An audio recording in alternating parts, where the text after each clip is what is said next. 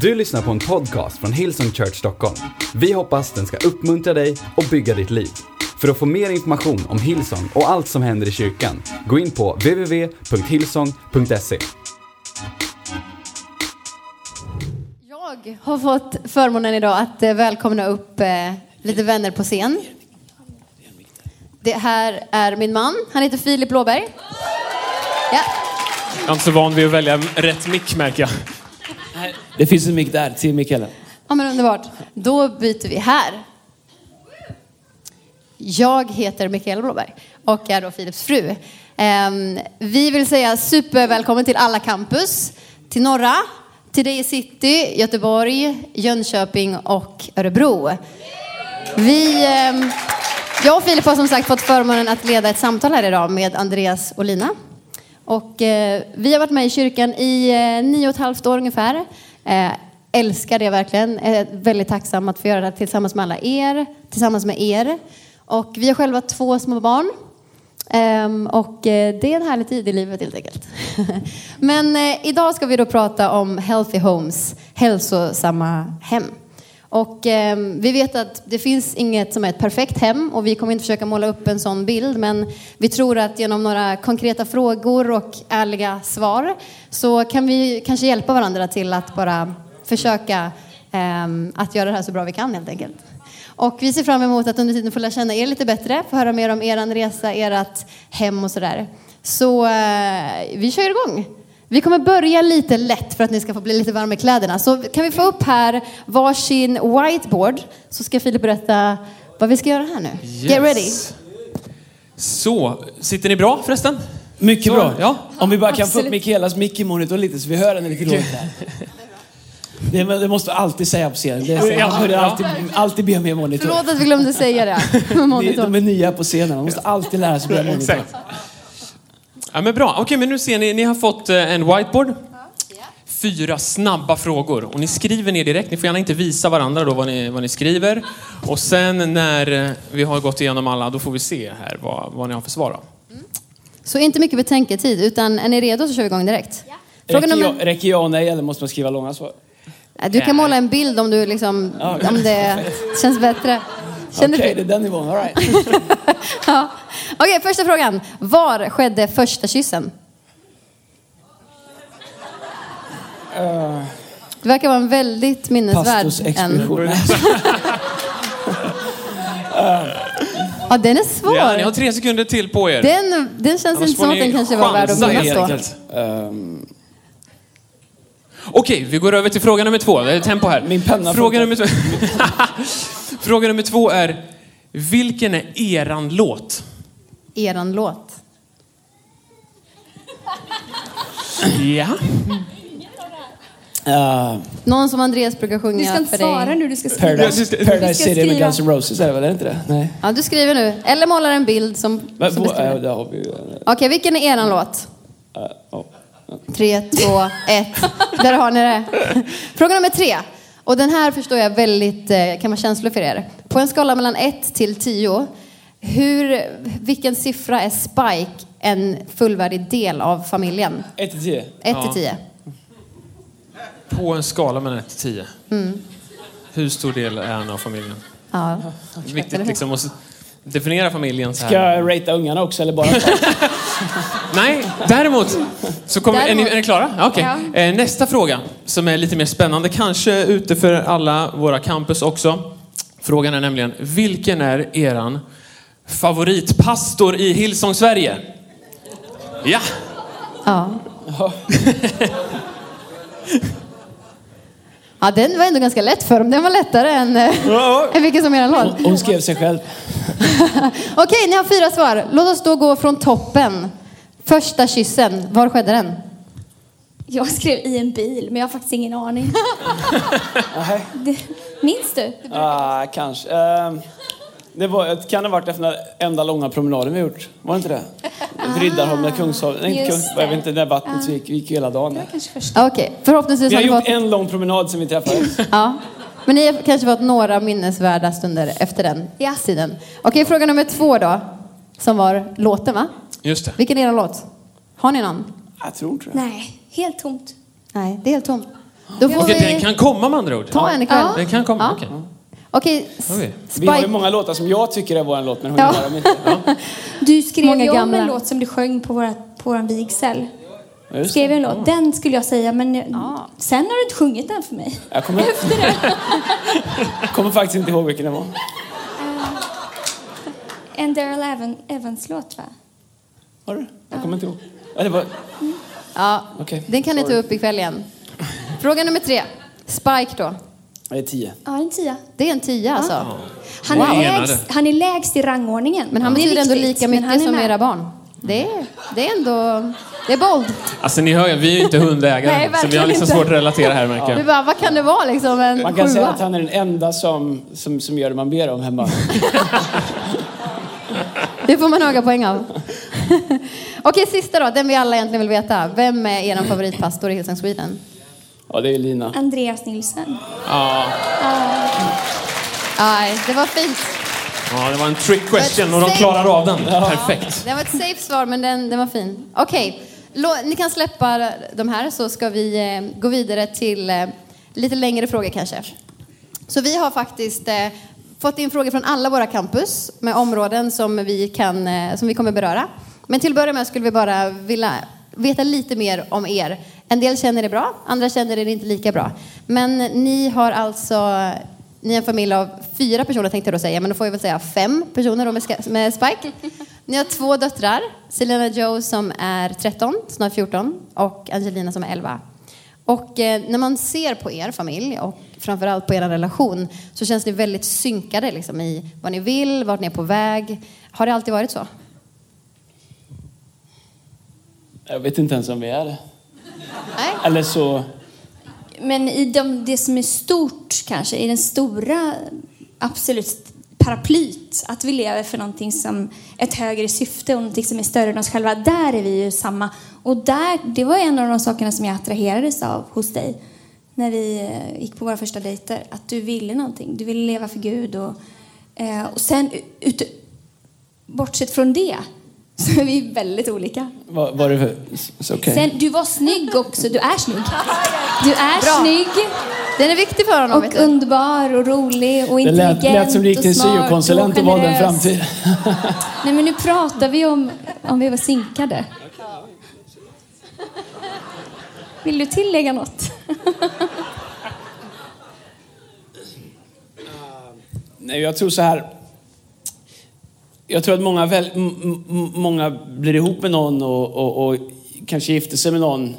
Och sen så tänker de att de ska forma den eller få den eller vilja leva ett annat liv. Men faktum är att min erfarenhet av alla människor som jag har vikt och alla som jag har gjort resa med är att du får lite vad du gifter dig med.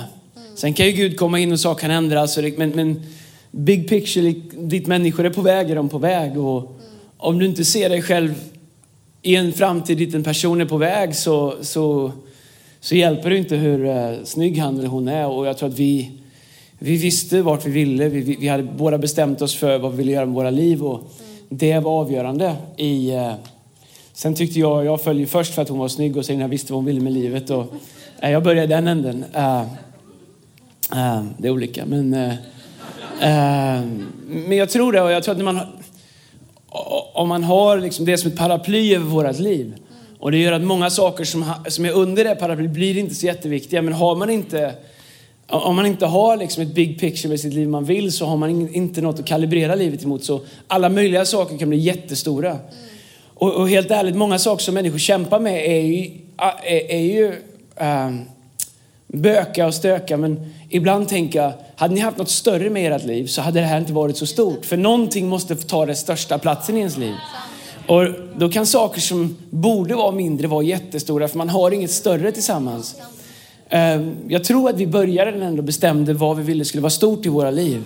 Och så har allting fått försöka hitta sin plats där under och det är ju en pågående negotiation hela tiden.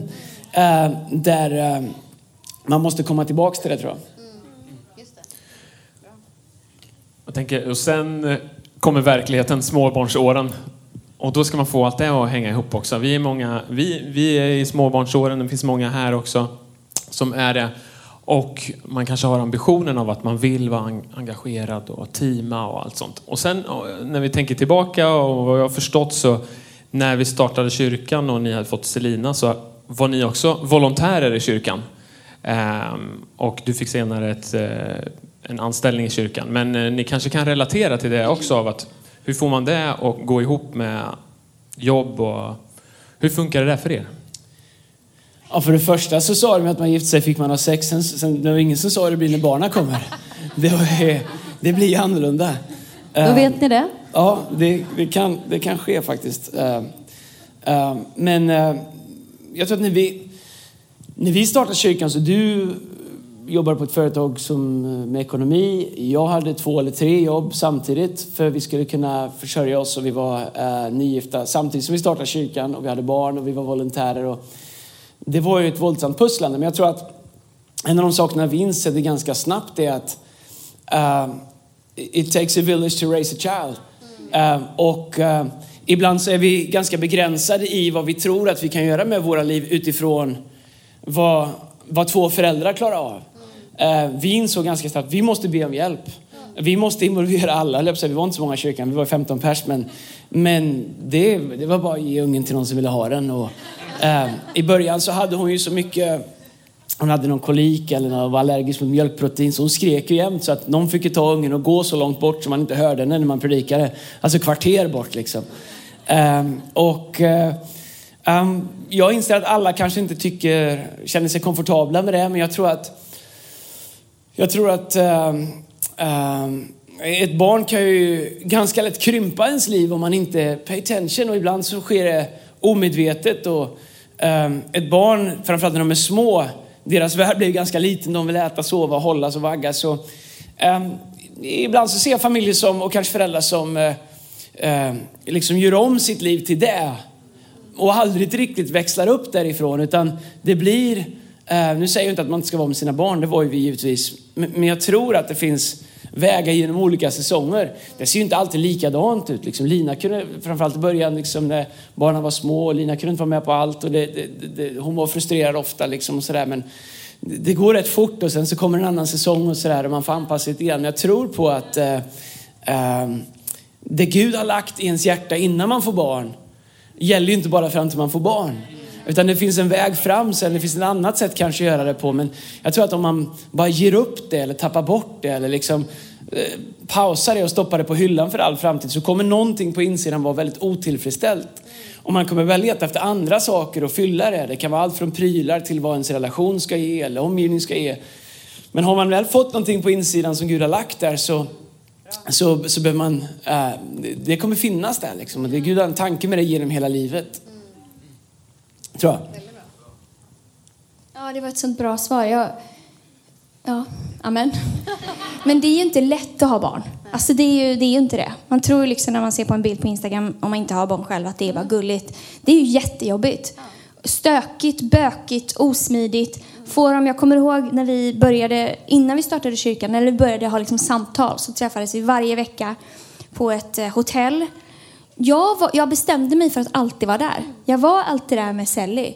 Men vissa gånger var jag på toaletten hela tiden för att hon, och med henne liksom, för att hon var böka och byta blöja och hon skrek och allt vad det var. Men jag var där i alla fall.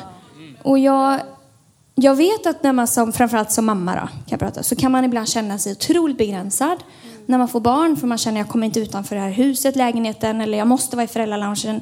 Men jag tror att jag tror att vi kan fortsätta vara de vi är och leva det livet som Gud har kallat oss till. Och det är att finnas för andra människor också. Det ser annorlunda ut, men jag tror att vi kan vara planterade i kyrkan och vi kan leva för fler. Vi lever också för våra barn, men även liksom se människor omkring oss. Det är min erfarenhet att det, ja, det går. Verkligen. Och det här är ju liksom frukten av att ni har valt att göra det och satt ett exempel som vi har valt att följa och eh, många andra med oss. Men eh, Lina, ni, eh, era barn är ju med i kyrkan, men jag förstår att det inte kanske alltid har varit eh, superlätt varenda dag, varenda söndag att få med dem och få dem att älska allt vi gör. Liksom. Hur har ni gjort för att få med era barn på resan? Den stora frågan. Ja, men det är helt. Våra barn de älskar Jesus, vi är tacksamma för det och sådär, men de är verkligen inte alltid taggade på kyrkan. Det är säsonger när det har varit vi har fått muta, för hitta en, ja men på riktigt. Och jag tycker det är 100% värt att muta ett barn för att få dem till kyrkan. För jag vet att det är det som är bra för dem. Vi gör det för er. Vi bjuder alltid på bra fika nästan. Det är för era barns skull. Dels för att de ska hålla blodsockret efteråt. Nej men ärligt talat, det är 100%. Hot funkar inte så bra. Men försöka hitta en win. Kom ihåg i början var så här, på söndagar fick man alltid en chokladboll. Liksom. Kanon! Då var det då var det. Sen så, sen så har vi världens bästa kids. Jag måste säga det. Det så fantastiska ledare, så mycket bra personer som älskar barnen och som vill att de ska möta Jesus och som vill se dem. Men eh, för oss är det liksom inte ett alternativ. Och det är ingenting de får välja. Faktiskt fortfarande. Så bara, nej, vi går till kyrkan som familj. Ja, men jag är trö- de kan vara trötta, liksom, nu är du uppåt i tonåren, vara trötta och inte känna för det. Vi går till kyrkan i vår familj. Det, ja. Men jag tror också att det, det är väldigt viktigt att eh, vara lite proaktiv som förälder. Sorry, känns som jag lämnar ut er här. jag tror att det är, viktigt att vara lite proaktiv som förälder och eh, bygga liksom intentional relationer med andra familjer och andra barn så att eh, eh, vi har försökt som, som föräldrar att Eh, hitta kompisar som barnen är kompisar med och, och prata med de föräldrarna. Se till att de möts i kyrkan, se till att de se, ha, se, ser fram emot att träffa sina kompisar. Att man faktiskt är och grejar i bakgrunden utan att barnen vet om det. Och, och det, det är värt det jobbet att lägga ner det. Eh, det är värt att bygga relationer med andra familjer, bjuda hem dem, göra saker tillsammans så att man faktiskt hjälper barnen att välja sina kompisar. För förr eller senare så kommer barnen välja sina kompisar och de kommer vilja följa med det deras andra kompisar gör. Och eh, vi har försökt vara faktiskt väldigt strategiska och eh, lägga jobb på att bygga eh, relationer åt våra barn lite utom att de vet om det. Hoppas de inte lyssnar på den här podcasten. Men eh, jag, jag tror att det är superviktigt. Därför att eh, vi känner det, det krävs, det krävs många andra familjer för våran del för att våra barn ska kunna göra den resan. På samma sätt som vi kan vara en del av andra familjer, att deras barn kan göra resan. Jag tror att det är superviktigt. Och ut eller vart du än är. Att det är jätteviktigt. Och även, eh, du vet så här, ehm, de som ännu inte har barn, liksom, ta någons unge någon gång. Förstår du? Lär känna någon. Säg vi, vi, vi, jag hänger med dem idag eller whatever. Ehm, jag, jag tror att det skulle finnas så mycket mer som vi som community skulle kunna göra för att hjälpa varandra och se till liksom att alla får chansen att göra en så bra resa som möjligt. Grymt. Ehm, Ehm, nu ska vi gå in på lite frågor som har kommit från alla våra campus. Och de frågorna ligger till grund för den eh, som vi kommer ställa nu. Då. Och låt oss börja med ekonomi. Och eh, hur har ni tänkt när det gäller familjens ekonomi och prioriteringar? Har ni alltid liksom tänkt likadant eller? Drar ni alltid jämnt? Ja, ekonomi har för oss inte varit en utmaning. Eh, det har varit utmanande att vi inte har haft tillräckligt eh, på pappret. Men Gud har alltid gett oss det vi behöver. Men som... Du kommer säkert fylla i något fantastiskt svar här. Men jag tror att eh, eftersom vi från början valde var, varför vi lever och vad som är viktigt för oss så blir det så enkelt. Då gäller det ekonomin också. Det. Så vi har ju, det har varit självklart för oss att med tionde eh, och att vara, vi valde att vi ville vara generösa. Det är en egenskap och det har vi verkligen eh, som sagt, det handlar inte om summor utan det handlar om ett liv man vill leva. Så det har vi valt och utifrån det så har vi tack, jag är så tacksam till det att det inte har varit en konflikt. Däremot har det varit, finns det en press när vi liksom, när man tittar på räkningarna och det man har, det stämmer inte överens så att säga. Och då kan det finnas en press och en risk att det blir en tension här emellan. Men, eh, och det kan hända att det har blivit det någon gång, men att man försöker att okej, så här, kalibrera. Vad är det som är viktigt? Hur vill vi leva? Och verkligen det vi tror att så här, ja, men när vi sätter Guds hus först och när vi, då kommer han välsigna oss och då kommer han bygga vårt hus. Men eh, du är så, ja, du är otroligt generös. Du har aldrig sagt åt mig att inte köpa någonting eller försökt hålla mig tillbaka eller Du, det är ju, du är hopplös att få, få köpa någonting. Så det, är, ju- det har gått ganska bra så. Men, äh, men jag tror... Äh, kring ekonomi så finns det ju... Bibeln säger att där vårt hjärta är, där, där, där, där våran skatt är, där är vårt hjärta. Och jag tror att ibland så finns det så mycket utmaningar kring ekonomi för att hjärtat är kanske lite på fel, på fel ställe. Eh, jag tror att om jag har lite fruktan i mitt hjärta så kommer det drabba mitt sätt att se på ekonomin. Nej, men tänk om det händer. Och så, så har man ett, liksom en, ett förhållningssätt av, av rädsla till eller frukta. Eller så är man kanske kan vara lite girig eller man kan vara lite ogenerös. Och, um, och, och, och, då, det kommer alltid liksom sätta ett filter på det. Um, vi har ju haft säsonger när vi startade kyrkan och allting, när allt var i tro under många år, under hela barnens uppväxt liksom, när vi varje månad var en månad i tro. Och, jag, jag, tror att vi fick bestämma oss tidigt för att uh, lita på Gud och det kan låta superklyschigt men um, jag tror att ekonomi är som så många andra saker. Man kan välja om det ska vara något som är mellan oss. Det har ju varit utmanande på så många andra, många andra områden också i livet. Men man kan hela tiden välja om det ska vara någonting som är mellan oss eller en utmaning som vi tar oss an tillsammans. Och jag tror att det är ingenting som sker automatiskt, utan det är något som man måste välja igen och igen och igen. Um, jag tror också för våran del, och det är annorlunda, vi är ganska rationella båda två. Uh, vi, vi, vi inte, tycker inte det är värt att lägga energi på att bråka eller du vet sådär. Sen fick, får man väl, uh, jag var väldigt dålig i början på, jag kanske inte alltid liksom berättade för henne liksom att um, du vet så här, vad vi behövde, vilka mirakel vi behövde och sådär. Uh, jag trodde att jag skyddade henne genom att inte alltid liksom och sådär. Men det, det upptäckte jag att det gör jag inte. Eh, utan eh, hon har en egen tro, en egen liksom, eh, förmåga att bära den del av det. Eh, men jag tror att eh, vi har också valt att se på ekonomi som resurs, in, in, inte liksom safe. Eh, alltså det, våran, vår, våran grund i livet är Gud.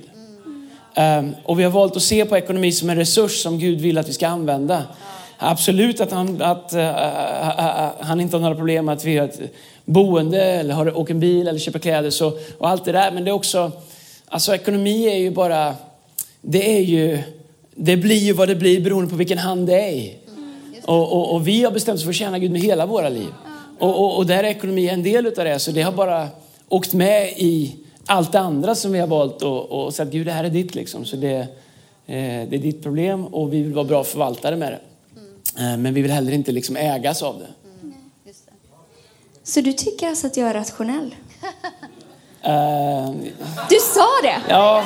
Men vi hörde, vi, hör, ni hörde också? Det här kommer jag citera. Citera när vi ska packa bilen. Ja, eller när vi ska göra nej. saker. Att man kan i rätt ordning. Sänk hennes mick. Uh, allt som går att koppla till ett Excel-ark är du rationell till. Allt som går att göra ett Excel-ark av är du rationell till. Packa bilen, not so much kan jag säga. Du är så bra på det så du kan göra det. Ja, det är fint. Um, Okej, okay, låt oss glida in på det mer relationer och um, kanske när relationen inte alltid blir som man har tänkt sig. Andreas, du uh, kommer ju från en familj där dina föräldrar skilde sig och din mamma är idag gift med en annan man. Uh, skulle du vilja bara säga någonting kring det, hur man kan hantera kanske när familjer skiljs och även när det kommer in nya familjemedlemmar i familjen? Ja, just det. Um... Jag tror så här. Ehm, kyrkan borde... Så här, ingen vill ju att det någonsin ska gå sönder, eller hur?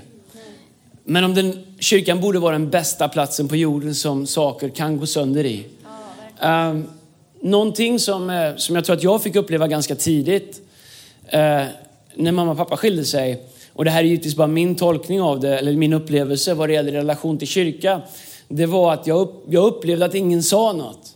Och en av mina stora frustrationer var att eh, allt var kaos men, men i kyrkan så låtsades alla som att allt var bra för man ville inte, sa man att det var ett problem så var man tvungen att ta i det och engagera sig. Och jag var ganska ung så jag vet inte exakt men det var min upplevelse av det. Att vi, vi, vi, vi lägger ett filter på det, allt, allt syntes som allt gick vidare som vanligt. Och, um, jag hade jättesvårt att, att, att förhålla mig till, till, till alltihop det där.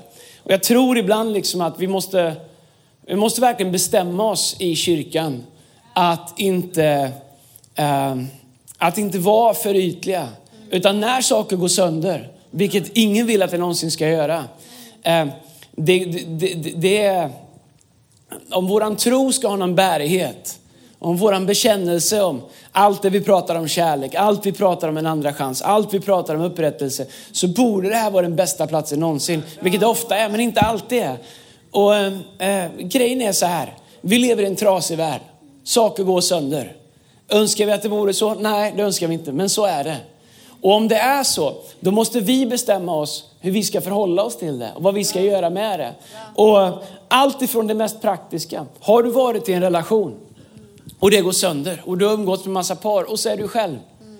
Då kommer det se annorlunda ut för dig. Men omgivningen måste jobba hårt för att inkludera sådana människor, för att ta hand om dem, för att se till liksom, för att det um, vi måste bli superbra på att människor kan få starta om i den här kontexten. Vi måste bli superbra på att eh, eh, uh, um, går det sönder och det under en period behövs en extra mamma, en extra pappa, en extra kvinnligt eller manligt förebild i en uh, barns liv. Vi måste äga det. Uh, vi, vi måste steppa upp och vara dem. Eh, och eh, inte bara backa tillbaks för att man inte riktigt vet eller man du vet så här och eh, du vet, välja sida och fram och tillbaka sådär. Det, livet är svårt och ibland går det sönder. Men det finns ingen anledning för någon att bli ensam eller inte ha gemenskap med människor i kyrkan. Oavsett faktiskt vad det är som har gått fel. Därför att det finns en väg för alla människor. Och det finns en väg vidare för alla människor. Um, och finns det inte det, så, och om man inte erbjuds det, då är man ju utlämnad till att leta sig fram i en egen väg. Och enklaste sättet då, det är ju att dra sig undan. Det är ju att isolera sig. Um, för att inte behöva liksom hantera det, att man inte vet det. Och då, då det, det, är värdelöst. Jag vet inte vad det är du frågar, men... Nej, men det är bra. Alltså, det, är en, det är inte alltid en lätt eh, fråga att hantera. Men eh, jag, jag, tycker du svarar bra. Och precis som du säger, eh, nåden det handlar om och inte, att vi inte är dömande utan att vi är nådefulla mot alla människor. De som, har, de som får det att funka och där det inte har riktigt blivit som man har tänkt sig. Väldigt bra. Men jag vill säga med det, jag tror att eh, jag, jag har stor respekt för att liksom när, när ett äktenskap går sönder, jag tycker generellt att människor skiljer sig för lätt. Nej, jag, jag, det, finns, det finns ju det finns olika situationer, det kanske inte finns någon annan väg. Men jag tycker att det har blivit en enkel, för enkel väg ut i samhället. För över 50 procent, 52 eller 58 procent av alla äktenskap här i Stockholm slutar i skilsmässa tror jag inom 18 månader. Det, det är ju för lätt liksom. Förstår? Det måste finnas mer att göra, det måste finnas bättre hjälp att få. Eh, och vi måste som kyrka ha mer att erbjuda. Men jag vill också säga att när det går sönder, eh, och, och, och, om du ska trivas i den här kyrkan så måste du förstå att det här är en kyrka för second chances. Det här är en kyrka för, andra, för människor som behöver en andra chans. Det här är en kyrka för en nystart. Och det, det är vad det är och, och, och jag kommer ta den fighten alla dagar i veckan. Eh, har det gått sönder och vi står där vi står, då är det här en bra kyrka för dig. För det här är en kyrka, vi, om hade det här varit Melodifestivalen så hade vi bara kört andra chansen. Fast de bästa låtarna. Men jag tänker också att det, det ligger i, i mänsklighetens natur och ibland som troende känner man att det finns ett krav på det att man ska vara perfekt och man vill så gärna visa en bra yta. Och jag vet att du försöker och jag försöker visa vår bästa yta. Men det, vore, det är inte så Gud har kallat oss att leva, att bara visa en yta. Så jag skulle också önska att vi kunde vara mer ärliga med varandra. Innan det går sönder, faktiskt säga att man brottar all det är så många människor som... Alltså, ett äktenskap är någonting man jobbar på. Det är en resa. Det går i perioder upp och ner, bra, dåligt, underbart. All, allting liksom. Men att man inte behöver ha det... Ja, att dela med sig och be människor om råd. Och det är inget misslyckande. Och även när det går sönder, att man vågar liksom... Att vi vågar visa våra svagheter och våra utmaningar med varandra. Att, att hjälpa, att vi, och framförallt att Gud vill hjälpa oss i det. Och det är inte vi som måste vara perfekta. Jag tror att, eh, sorry ni ska få fråga något mer snart här, men jag, jag, tror att en av de sakerna som jag tycker är awkward med att sitta här, även om jag tycker att det är väldigt mysigt, det är ju att eh, så vi, vi har inget perfekt äktenskap.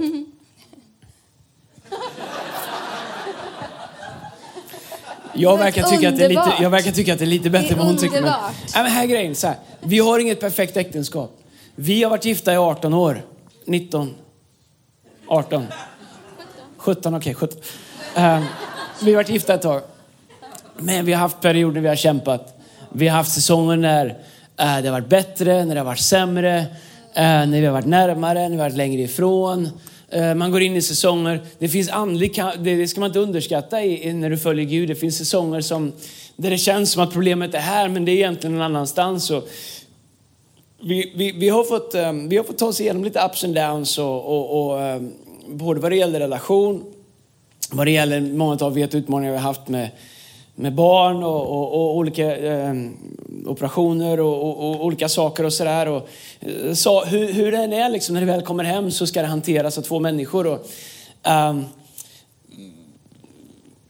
min bön är att vi skulle kunna um,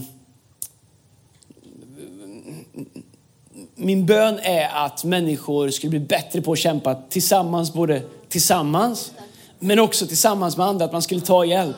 Vi har haft en av våra välsignelser är att vi har bra folk runt omkring oss att prata med. Ehm, bra, vettiga människor som man kan vara ärlig med.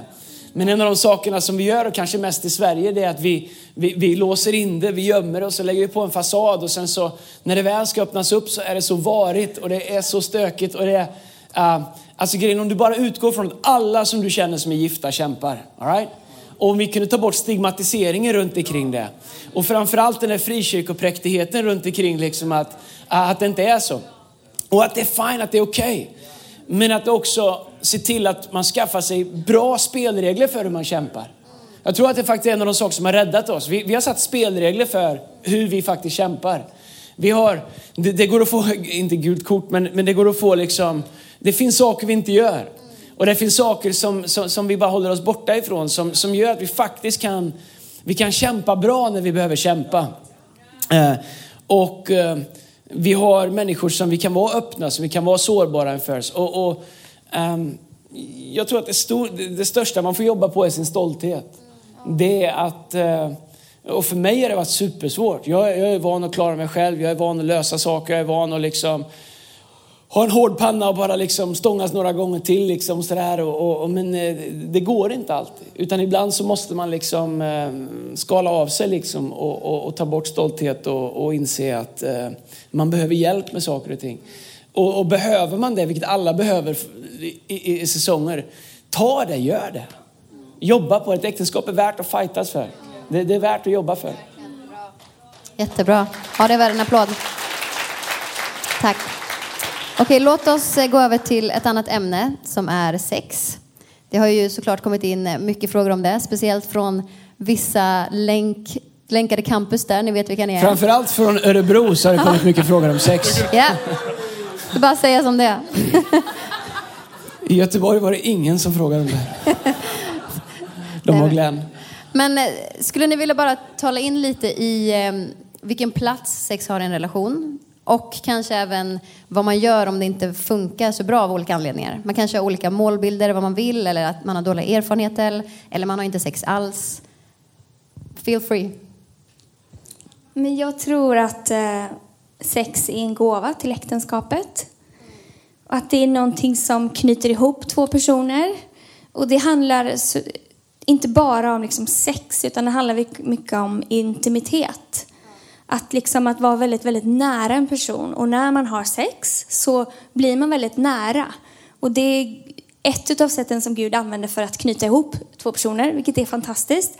Och precis som eh, allt annat i livet så har det ju sina säsonger. Och eh, jag inser att det finns alla kategorier av människor här inne, liksom, hur, hur det ser ut med det. Men, men eh, jag tror att det handlar väldigt mycket om, att, om intimitet och att prata. Och när man inte har haft, om det är så att man inte haft sex på väldigt länge eller man har utmaningar med det, då är det så lätt att, att eh, bygga upp någon form av barriär och mur som gör att man blir distanserad till varandra och då är det så otroligt svårt att komma tillbaka till det igen. Så om man kan hitta ett sätt att liksom bryta ner den här barriären mellan eh, så är det mycket lättare eh, att bara börja prata om det till exempel. Att liksom komma tillbaka till den intimiteten. Men eh, du vet inte om du frågar det, men sex handlar ju först och främst om att ge någonting till en annan och inte få. Och där tror jag att det kan finnas en obalans.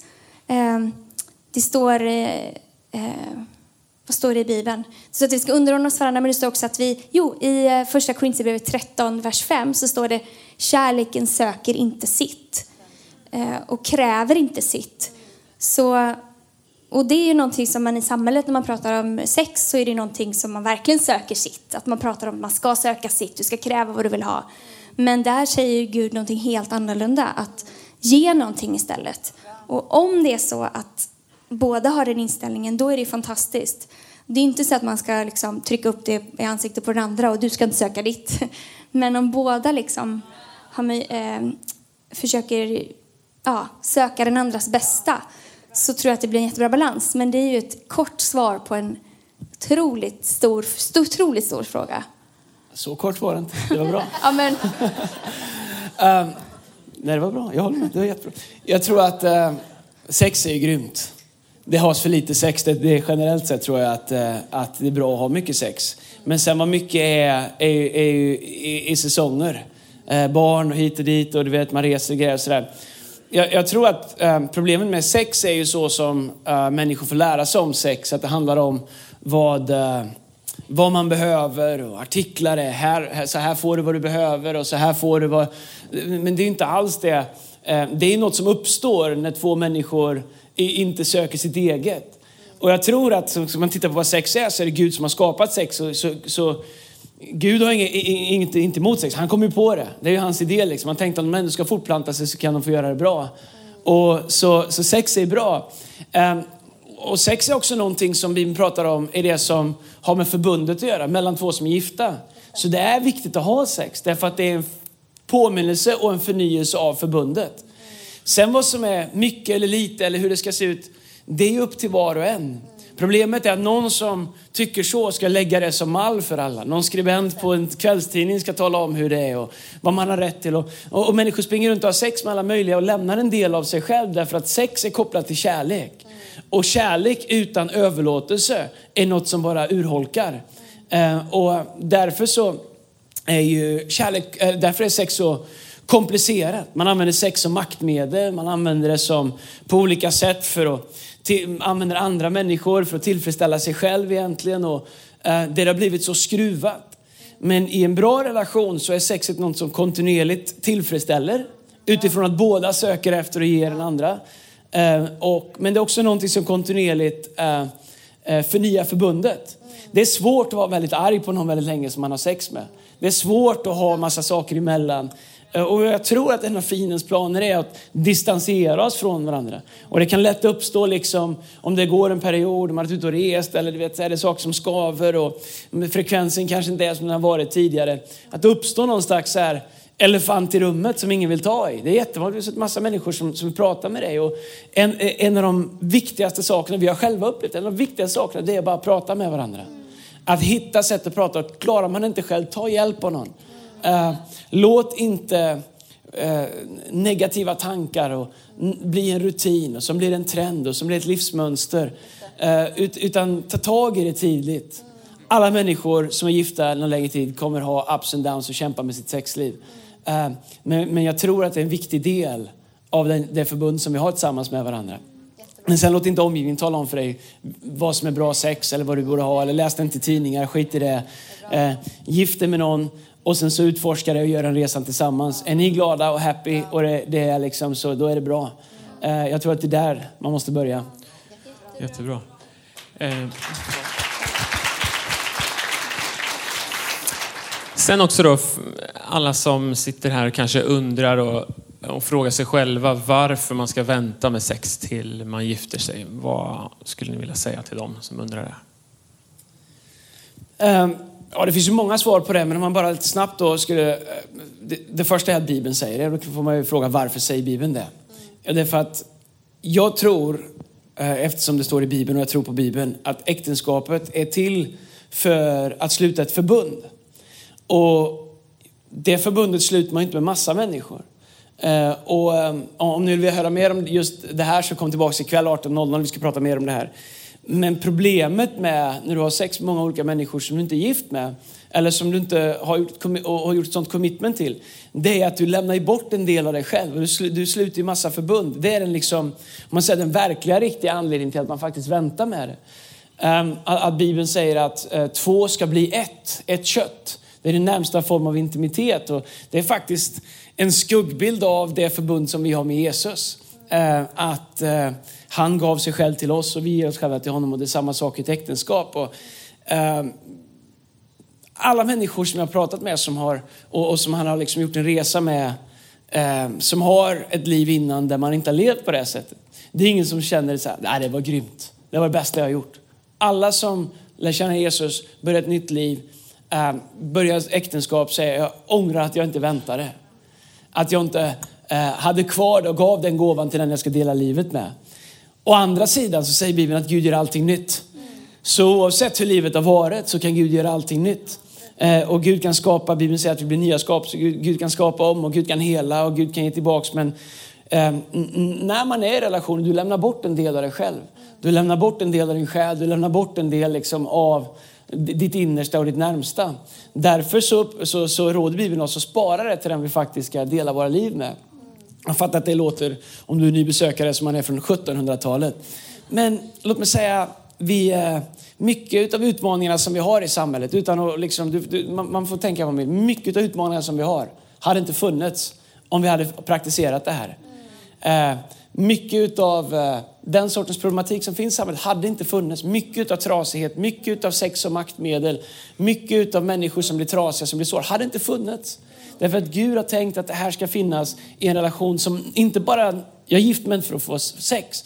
En del av de sakerna som gör att vi har gift oss är att jag är beredd att ta ett ansvar om att vårda Lina. Om att beskydda henne.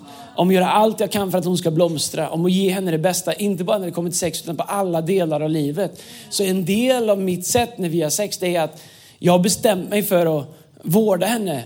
Eh, Ger ge henne det bästa hon har. Inte bara sexuellt men andligt och själsligt och känslomässigt och fysiskt på alla plan. Jag är committad och jag ger mig själv till henne och hon samma sak till mig. Och det ger sån djuphet i en relation som du aldrig kan få på något annat sätt. Så säger Bibeln att det blir som en, två, tre, som, som en tråd med två, som är tvåtvinnad. Och så tillsammans med Gud och den helige Ande så säger Bibeln att det blir som en tretvinnad tråd som inte brister. Så tillsammans med Gud så är det inte bara jag och Lina.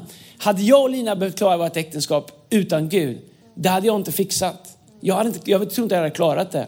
Men jag och Lina tillsammans med Gud, när vi gör det på det sätt som Gud har sagt, då har vi faktiskt klarat det so far. Även om det ibland har varit på, på gärdsgården. Men att göra det här utan Gud, jag fattar inte hur människor gör det. Så det är därför som Gud har satt upp äktenskapet, där sex är en del av det, som någonting som ska kunna hålla.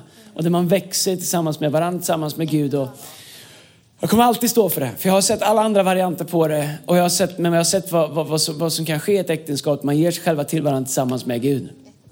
Det är så fantastiskt. Ja. Jag tycker det är så häftigt för att eh, vetenskapen och olika undersökningar bekräftar det som Guds ord säger. När man tittar på olika undersökningar, till exempel, det, det de flesta människor söker efter, det är inte först och främst sex, liksom, att det är det viktigaste i livet, utan det är relationer. Kanske någon att dela livet med och liksom man känner, får bekräftelse, får kärlek. Och om man med det som perspektiv liksom har som mål att kanske hitta en person, man, man måste inte det heller, Gud kan ge en allt han kan tillfredsställa alla våra behov. Och så ofta så söker vi saker hos människor som, inte, som vi borde söka hos Gud. En liten passus. Men eh, om jag tänker bara att någon gång ska jag gifta mig med en person, hur kan jag bygga det äktenskapet på bästa sätt? Jo, men troligtvis att vänta med sex. För dels så vill jag inte ha erfarenheter som, som kan påverka mitt sexliv med min, min kommande. Men sen också så handlar det om eh, en viss disciplin. Jag vill att att min man ska kunna avhålla sig från sex. För vad händer annars när han reser i jobbet? Eller vad händer annars när vi av några olika anledningar inte kan ha sex? Så jag vill, man vill liksom arbeta upp den här disciplinen att bygga sitt förhållande redan innan man gifter sig. Då har man redan, då har man redan jobbat upp det. Och det är så häftigt att se. Det finns så mycket eh, olika undersökningar så som visar att människor som väntar med sex, deras äktenskap håller längre. Jag säger inte, no, inget fördömande, som sagt Gud kan göra allting nytt. Men det finns statistik som visar det att så större procenthalt, deras eh, äktenskap håller. Vilket är rätt häftigt. Och sen är det ju så i, i, i det moderna samhället att vi ska till vilket pris som helst vara gränslösa. Att ha gränser är ju någonting som är, att ens säga det till en människa, det vore bra om du hade lite gränser i livet. Det, är ju, det får man inte ens säga längre, men nu säger jag det ändå. Men, men grejen är så här, att ha gränser i livet, att, ha, att sätta upp liksom boundaries i livet, det är någonting som kommer skydda dig. Och det kommer ge dig värderingar att led, leva efter. Och, och, och det är därför som samhället säger, lev utan begränsning, lev utan boundaries, lev utan disciplin. Känns det rätt för dig så är det rätt. Men faktum är att så är det inte. Eh, om vi inte har gränser i vårt äktenskap, om vi, om vi inte har gränser i vår relation, om vi inte har, har, ger gränser till våra barn, om vi inte gör det, då den gränslösheten kommer inte leda till trygghet, kommer inte leda till förtroende, kommer inte leda till, till tillfredsställelse. Utan tvärtom, den kommer bara eskalera en jakt på någonting som alltid flyttar sig längre bort. Därför så eh, att, eh, att leva ett liv där man faktiskt är committad till saker och ting. Ett liv som faktiskt sätter oss fria från den här jakten på något som flyttar sig fram hela tiden. Men jag skulle också vilja säga att även om man börjar fel, Även om livet blir fel, även om du, vare sig du startar ett äktenskap fel, du tjuvstartar med saker och ting eller du är i en relation som, det som inte funkar nu. Hej, det bästa med Gud är att han säger, se jag gör allting nytt. Och, och om du sitter här och tänker, oh, sån, jag önskar jag hade det, jag önskar det vore så, jag önskar jag inte hade gjort det. Gud säger, se jag gör allting nytt. Och Gud kan göra allting nytt i ditt liv. Och det spelar ingen roll vad någon terapeut säger till dig om att ditt äktenskap är över. Om ni bestämmer er för att det inte är över, då kan Gud göra någonting. När jag inser att det finns omständigheter och tillfälligheter med abuse och andra saker. Jag vet vad, Gud är en Gud av new beginnings. Gud är en Gud med andra, en tredje och en fjärde chans. Och Gud kan skapa nya hjärtan i oss. När våra hjärtan känns som de går sönder så kan Gud göra nya hjärtan i oss. Vägen är inte alltid ut. Framtiden är inte alltid ut ur saker och ting, utan faktiskt kanske inåt tillsammans och till Gud. Och eh, jag är väldigt tacksam över att vi har en Gud som är sån. Eh, ibland är vi människor snabba med att kategorisera och säga det, det, det, det. Men Gud är en Gud. Bibeln säger att han lämnar oss aldrig. Det innebär även våra relationer. Han överger oss aldrig. Han är trofast även när vi är trolösa, säger Bibeln. Så det finns ingenting som, min övertygelse är att det finns ingenting som Gud inte kan upprätta ifrån. Det finns ingenting som Gud inte kan ta oss vidare ifrån. Om vi är ödmjuka, Bibeln säger om, ni är ödmjuka, om vi är ödmjuka våra hjärtan ska han ge oss nåd. Men det är där som det kommer komma ner till.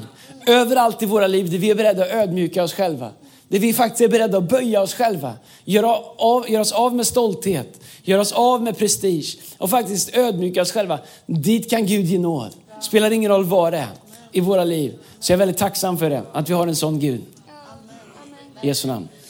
Grymt. Och vi eh, börjar komma mot slutet nu. Och nu ska vi liksom eh, ta lite mer helhetsperspektiv på det. Vi har pratat om hälsosamma hem och vi tror ju att hälsosamma hem och bra relationer, det ligger till grund för en eh, hälsosam kyrka. Och ehm, eh, skulle ni vilja liksom utveckla det lite eh, och eh, se hur, hur kan liksom våra relationer och våra hälsosamma hem faktiskt få vara med och förvandla ett land? Uh, jag tror så här, vi, vi säger i vår kyrka att vi har inga medlemmar, vi har bara familj.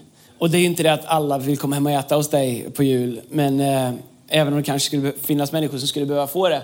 Men det, det pratar mer om hur vi ser på det. Du vet, en familj kan vara på så många olika sätt. En familj kan vara brokig, en familj kan vara eh, komplicerad och jag höll säga den kan vara som tomten är far till alla barnen. Men, men en familj kan vara på så många olika sätt. En familj kan vara eh, det är vad det är ibland. Förstår ni? Det, det är inte perfekt. Det är alltid någon moster som är arg på någon morbror. Eller du vet, det, det, det, det kan vara ett kaos. Men ett the end of the day så är man familj. Och min bön i våran kyrka, det är att vi som familj skulle ha, ha grace med varandra. Att vi skulle vara inkluderade. Att det skulle vara enkelt att få göra en resa mot tro. Att det skulle vara enkelt att få göra en resa i tro. Att det skulle vara enkelt att göra en resa som är, som är krånglig, som är svår. Men att vi faktiskt skulle ha, eh, att vi skulle se på varandra som varandras ansvar. Jag, I min familj, jag försöker, jag försöker så gott jag kan att se på dem som är i min familj som mitt ansvar att göra vad man kan. Man kan inte alltid göra allting. Men det, det, det, det som jag minst av allt vill, det är att kyrka är någonting som vi kommer att uppleva tillsammans en och en halv timme eller kommer att individuellt delta i en och en halv timme. Utan jag tror att det som kan förvandla samhället, det är när, om kyrka blir det kyrka blir. Um, Jesus sa att eh, världen, alltså de som inte är troende ska förstå att vi har med Gud att göra när de ser hur vi älskar varandra. Att tecknet för dem som inte tror på Gud, att vi har en relation med Gud skulle vara i hur vi älskar varandra. Och jag kan säga som kyrka generellt, så eh, liksom big picture, i, inte bara Hillsong, så kanske vi har lite kvar att jobba på där. Det finns lite kvar att göra där. Eh, Snabba med att poängtera våra olikheter, snabba med att poängtera vad vi inte tycker om. Och det, det skaver, det kom, och vet, så här, personligheter och grejer, det kommer skava en kyrka som det skaver överallt annars där det finns människor. Men om vi inte kan lyfta blicken och se att okej, okay, va, varför är vi här? Vad är det Gud har kallat oss till? Att, att faktiskt när Gud gör någonting i oss, förlåtelsen och friden och ljuset som vi får, kärleken, den villkorslösa kärleken, den måste bottna i att vi nu vill ge den vidare, att vi faktiskt vill göra någonting annat. Eh, där Paulus säger att nu lever inte längre jag utan Kristus lever i mig. När, när, när, när vår atmosfär ännu mer kan bli att människor kan bli hela bara genom att komma in. Människor kan bli upprättade bara genom att komma in. Villkorslös kärlek är inte bara något som sägs utan faktiskt något som känns och som, som praktiseras. Inte perfektion, inte att alla är likadana. Man får hålla på vilket hockeylag man vill. Vi pratar inte om hockey längre i vår kyrka. Det har vi slutat med. Uh, men... Uh, Eh, eh, det gör ont när vi pratar om hockey. Men det kommer göra en skillnad. Var annars i samhället kan en människa komma in och bli hel på insidan? Var annat i samhället säger vi, ta med dina tonåringar som, som kämpar. Vi har människor som är beredda att göra allt vi kan för att hjälpa dig. Inte döma dig som förälder, utan hjälpas åt. Därför att vi tror att vi gör det tillsammans. Vart annat i samhället eh, ska du se människor öppna sina liv, öppna sina hjärtan. Idag när vi är här så, är det, så har vi, jag vet inte vad vi har över dagen, 4, 5, 600 barn som är på Kids. Människor idag volontärt har gått upp tidigt, duschat, ätit frukost, kommit hit tidigt för att, för att ge sitt bästa till era barn medan ni sitter här. För att de tror att era barn har en fantastisk framtid. De vill ge dem, de ger dem kärlek, uppmärksamhet, se dem i ögonen, hälsa på dem, krama dem, ge dem sitt bästa. Ehm, vart ska du få det i samhället?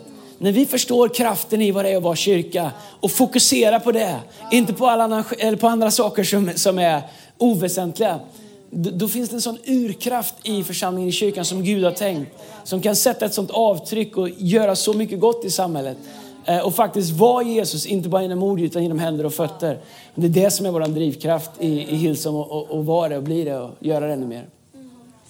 Tack Andreas, du ska få ta vidare det här mötet. Men kan vi bara tacka igen Andreas och Lina för att, att ni har delat, att ni var så öppna. All right. Då kommer vi stå upp tillsammans.